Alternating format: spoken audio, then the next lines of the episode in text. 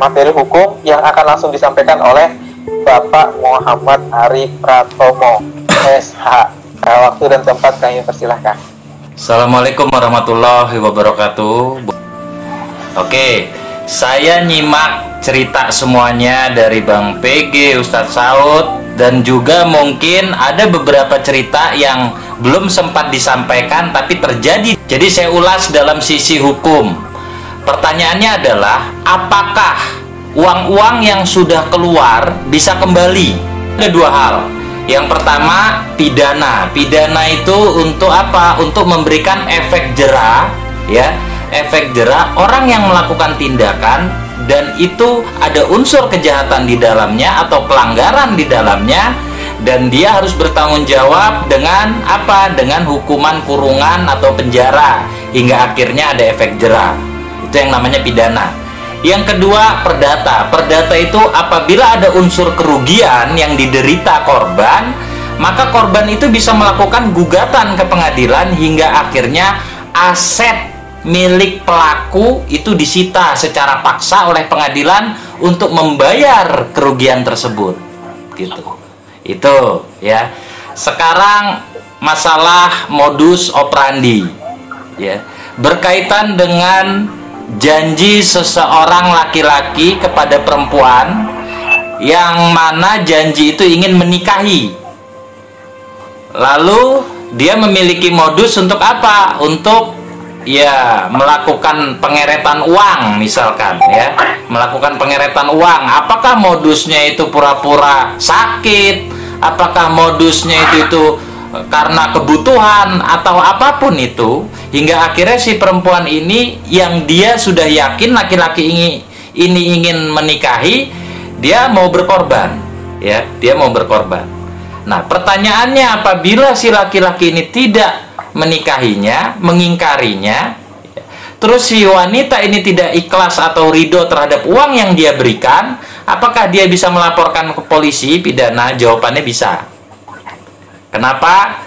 Karena ada di KUHP itu pasal 378 penipuan yang unsurnya adalah salah satunya itu menggerakkan orang lain agar orang lain tersebut menyerahkan suatu barang ya. Suatu barang atau benda ya kan? Uang memberi hutang atau menghapus hutang piutang termasuk di dalamnya ya. Nah di dalam jurisprudensi Mahkamah Agung pernah ada putusan pengadilan. Tipuan itu bukan berupa uang, tapi berupa keperawanan atau berupa hubungan seksual badan, ya. Si laki-laki ini merayu, kamu nanti saya nikahin. Sudah gitu merayu hingga akhirnya si perempuan ini memberikan kehormatannya. Tiba-tiba si perempuan ini nih tidak dinikahi oleh laki-laki ini pada saat perempuan ini hamil atau sudah melakukan hubungan badan laki-laki ini pergi. Tidak bertanggung jawab. Apakah bisa dipidana? Jawabannya berdasarkan jurisprudensi dan pernah ada putusan pengadilannya itu bisa. Bisa. Kenapa? Karena unsur 378 bujuk rayunya itu masuk. Jadi hakim saat itu berpendapat bahwa unsur menggerakkan orang lain menyerahkan suatu barang jadi kelamin itu dianggap barang oleh hakim ini dan itu unsurnya akhirnya terpenuhi masuk. Ya, masuk. Nah, jadi kesimpulan di dalam 378 ini hati-hati buat kalian seorang laki-laki yang menganggap bahwa ini bisa dijadikan modus untuk sahwat atau untuk memeras orang atau untuk mencari uang melalui sosial media melakukan penipuan atau apa pun itu jangan harap kalian bisa lolos. Kalau si wanita ini melaporkan ke polisi, kalian bisa masuk. Ya ini edukasi nih ya. Jadi buat yang mau niat melakukan atau apa pun, silahkan diurungi kalau tidak mau mendekam di penjara. Ya. Ini ini buat edukasi supaya para wanita ya, para akhwat ini bisa berpikir jernih bahwa oh ternyata Bang Ari saya bisa melaporkan ya, bisa. 378 itu bisa. Oh ternyata setelah saya itu hilaf saya bodoh saya mau melakukan hubungan badan padahal bukan muhrimnya udah saya dosa di hadapan Allah. Saya rugi terus saya ditipu gitu. Untuk efek jerah saya bisa melapor pidana bisa. Ya Tapi saya nanya sama pengacara lain atau apa katanya yang bisa melaporkan itu adalah delik aduan absolut yang sifatnya overspell kalau istilah Belandanya yang disebut perzinahan. Jadi apabila suami itu melakukan hubungan badan dengan laki-laki lain terus istri yang melaporkan atau sebaliknya. Hanya itu kalau suka sama suka dan ini dewasa tidak bisa dilaporkan. Betul kalau tidak ada unsur bujuk rayu. Tapi kalau ada unsur bujuk rayu ya. Dan juga akhirnya memberikan sesuatu itu itu karena karena tipu muslihat karena hatinya tergerak karena janji itu masuk ke 378 bukan overspell ini ya. Contohnya gimana Bang Ari? Contoh contoh. Bujuk rayu itu. Bujuk rayu ini contoh begini ya contoh. Kenalan ya. Setelah kenalan terus dia bilang ya. Tapi ini harus ada alat bukti nanti kita ulas alat bukti detail ya di di kesempatan ini kamu nanti saya nikahin kok. Saya bertanggung jawab sebagai laki-laki. Misalkan begitu ya. Pokoknya bulan depan saya pasti ngadep orang tua kamu. Udah dong kamu ke sini. Nanti kita buka hotel aja. Misalkan begitu. Tiba-tiba melakukan hubungan badan. Karena si wanita ini percaya. Ya itu yang namanya unsur bujuk rayu. Jadi mencoba meyakini seseorang. Nah setelah udah melakukan hubungan badan si laki-laki menghilang ya kan? Nah, setelah laki-laki ini menghilang, dia tidak menepati janjinya itu, maka masuk unsur penipuan. Dianggap oleh hakim yang pernah mengadili perkara serupa itu masuk ya. Untuk apa? Penipuannya dia memberikan badan, memberikan kehormatan. Jadi itu tidak e, menyempit hanya dengan materi saja tapi melainkan kehormatan pun bisa dianggap sebagai unsur memberikan suatu barang itu. Nyambung ya, teman-teman nyambung ya udah sampai di sini nyambung ya. Nah, sekarang kita bahas masalah pemerasan. Saya selama main aplikasi itu udah enam perempuan ngadu sama saya karena dia kenal oleh laki-laki. Terus mereka melakukan teleponan yang mengandung unsur pornografi. Bahasa gaulnya VCS ya. Nah, setelah itu direkam direkam oleh seorang laki-laki dan seorang laki-laki ini bilang ke wanitanya kalau kamu tidak memberikan uang ini saya sebar. Nah pertanyaannya bagaimana? Bisa nggak bang hari ini dilaporin? Sementara kan kita nggak tahu dia betul-betul melakukan atau enggak tapi chat itu ada. Nah ini nanti masuk alat bukti ya. Di pasal 184 ya di pasal 184 alat bukti di dalam pidana itu ada alat bukti saksi ada alat bukti keterangan ahli, ada alat bukti surat, ada alat bukti petunjuk, ada alat bukti pengakuan. Ya. Nah, yang disebut petunjuk ini salah satunya chat.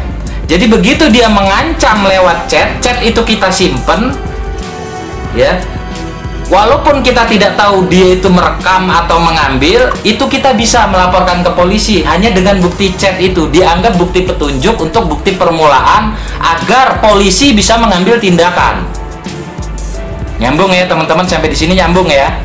Terus pasal berapa yang kita uh, uh, pasal berapa yang kita laporkan? Itu ada di pasal 6 Undang-Undang Pornografi. Bunyinya gini, bunyinya. Setiap orang dilarang ya memperdengarkan Nah ini memperdengarkan juga artinya apa? Kalau ada official host yang keindahan dia mendesah dan itu dianggap pornografi itu bisa dipidana di pasal 6 undang-undang pornografi. Ini ingat ya kalau ada yang melapor kalian masuk. Mudah-mudahan teman-teman keindahan ada yang masuk di room ini dengar kata-kata saya ya. Di pasal 6 Undang-Undang Pornografi, setiap orang dilarang memperdengarkan hanya dengan suara saja bisa masuk bui. Ya, mempertontonkan, memperdengarkan, koma, mempertontonkan, koma, memanfaatkan, koma, memiliki, koma atau menyimpan produk pornografi sebagaimana dimaksud dalam pasal 4 ayat 1 ini di undang-undang pornografi. Kecuali yang diberi kewenangan oleh peraturan perundang-undangan. Contoh apa? Peraturan perundang-undangan itu contoh misalkan dia punya izin. Dia ini uh, punya majalah yang sifatnya komersil. Ada PT-nya ada izinnya dan dia diperbolehkan. Dia foto atau dia membuat video atau produksi film yang sifatnya ada unsur pornografi tapi mendapatkan izin. Itu dibolehkan melalui undang-undang. Tapi kalau dia di sarana live streaming apakah media apa pun kalian mendesah kalian buka-bukaan kalian pornografi ada satu orang aja yang membuat laporan ke polisi kalian masuk bui. Ya ini mudah-mudahan bisa disimak oleh teman-teman dan ini saya upload di YouTube saya insya Allah ya. Biar edukasi biar nggak ada lagi pornografi. Ya. Ini berkaitan dengan pornografi. Nah kembali lagi ke pemerasan tadi. Bang saya terus diperas. Video saya mau disebarluaskan kalau saya nggak ngasih uang. Bagaimana? Itu tadi. Artinya apa? Di pasal 6 itu menyimpan membuat merekam artinya memproduksi menyebarluaskan itu satu kesatuan. Walaupun dia hanya punya tindakan menyimpan dia belum sebar tetap kena pidana di pasal 6 undang-undang pornografi. Berapa ancamannya? Di pasal 6 itu ancamannya dipidana dengan pidana penjara paling lama 4 tahun. Dendanya 2 miliar. Gitu. Itu Iya. diatur di pasal 32 undang-undang pornografi ya. Nah, oke sampai di situ jelaskan. Nah, sekarang kalau mengancam melalui sosial media bagaimana, Bang? Kalau mengancam tanpa melalui sosial media itu kan diatur di pasal 368 ayat 1 KUHP, pemerasan biasa. Ancamannya nggak tinggi, pemerasan biasa itu. Ya kan? Tapi yang tinggi adalah kalau menggunakan HP. Makanya chat sama mengancam secara langsung itu lebih bahaya chat kalau chat itu kenanya di pasal 29 Undang-Undang ITE. Setiap orang dengan sengaja tanpa hak mengirimkan informasi elektronik atau dokumen elektronik yang berisi ancaman kekerasan atau menakut-nakuti yang ditujukan secara pribadi ya chat pribadi menakut-nakuti di pasal 29 nah itu tinggi ancamannya nah, jadi teman-teman yang sudah melakukan kesalahan segera bertobat, yang sudah terlanjur jangan depresi. Kalau udah kelewatan diperas, laporlah polisi. Nyambung ya, supaya apa? Tidak terjadi lagi korban-korban berikutnya. Kadangkala kalau si laki-laki ini dikasih kesempatan dan dia berhasil, dia bisa saja mencari korban lainnya. Ada modus beberapa yang saya temukan di aplikasi ini. Salah satu pelakunya dia sudah dipenjara dia dipenjara karena kasus narkoba. Karena nggak ada keluarganya yang besuk ketahanan dia butuh makan dia butuh hidup di dalam dia akhirnya apa? Menggunakan aplikasi live streaming untuk apa? Untuk merayu wanita agar wanita itu bersedia VCS hingga akhirnya videonya diancam untuk disebar kalau tidak memberikan uang. Akhirnya jadi ATM ini terjadi ini terjadi. Pelakunya di dalam penjara Terus pertanyaannya Bang Ari, bagaimana melaporkan orang yang sudah dipenjara? Bisa. Siapa bilang nggak bisa? Justru lebih gampang. Pada saat kita melaporkan ke polisi, polisi tahu pelakunya di penjara, maka polisi itu bisa ber, apa, berkoordinasi dengan bagian register lapas atau rutan yang nantinya apabila yang bersangkutan itu waktunya keluar dari tahanan dia dijemput untuk pasal yang baru untuk perkara yang baru. Walaupun keluarnya dua tahun lagi lima tahun lagi tapi laporannya kita udah alat bukti udah kita serahkan dan dia udah ditetapkan jadi tersangka itu dia nanti dikredit. Keluar dia dari penjara dia disidangkan lagi dengan kasus pemerasan atau undang-undang pornografinya itu. Nyambung ya? Dengan proses dari nol lagi jadi dia langsung dijemput tuh Nah, supaya apa? Supaya dia jerah juga. Dia nggak mau di penjara lagi dan dia tidak lagi melakukan itu. Makanya laporkan, jangan diem aja. Oke, sampai di situ jelas. Nah, terus ini di grup tadi ada pertanyaan, Bang Ari, gimana kalau misalkan anak ditelantarkan, tapi dia memberikan uang kerja di luar negeri hanya untuk laki-laki yang modus? Sementara anaknya ditelantarkan. Oke, saya jawab. Undang-undang perlindungan anak ya, itu apabila orang tua menelantarkan anak, itu ada pidananya. Dan ancamannya tinggi. Nah, hanya saja yang melapor harus orang yang di dalam pengampuan. Artinya pengampuan itu wali si anak, neneknya, bibinya, dan itu pembuktiannya harus detail, harus jelas. Karena tidak mungkin seorang eh, kakak melaporkan adiknya menelantarkan ponaannya itu kayaknya nggak mungkin, agak sulit. Tapi secara tre- teori dan juga dipraktekkan itu bisa dilakukan. Tapi kalau secara moral kemanusiaan kayaknya etika tega tidak teganya kayaknya nggak pantas dilaporkan, harusnya dinasehati kasus yang begitu. Waalaikumsalam warahmatullahi wabarakatuh. Eh, udah paham ya sampai di situ ya. Nah, jadi itu berkaitan dengan hukum itu udah jelas. Sekarang berkaitan dengan etika sosial media, ya. Tapi untuk seorang laki-laki menggunakan sosial media apabila dia memiliki niatan baik, apakah itu alasannya mencari kawan, bangun jaringan, berdakwah atau apa pun yang kayak sifatnya syariah kan berdakwah ya. Dia menyembunyikan identitasnya, dia tidak memperlihatkan wujudnya yang berlebihan, tapi dia ke sana kemari dan juga ada unsur lebih hobi meminta jaringan pribadi handphone seorang akhwat lebih ke minta nomor handphone dong, minta nomor handphone dong. Misalkan seperti itu dan dia tidak pernah menunjukkan di publik ya eh, dia seperti apa, apalagi dia tidak pernah menunjukkan di jaringan pribadi juga misalkan. Nah, terus di jaringan pribadi itu dia mencoba merayu patut diduga kuat. Itu pelaku. Ya. Ciri-cirinya teman-teman harus peka ya, udah tahu ya. Oke, sampai di sini ada pertanyaan. Oke, ntar kalau, kalau kita sesi tanya jawab aja Bang Ari ya. Main jadi mungkin eh, penyampaian saya itu udah saya ulas.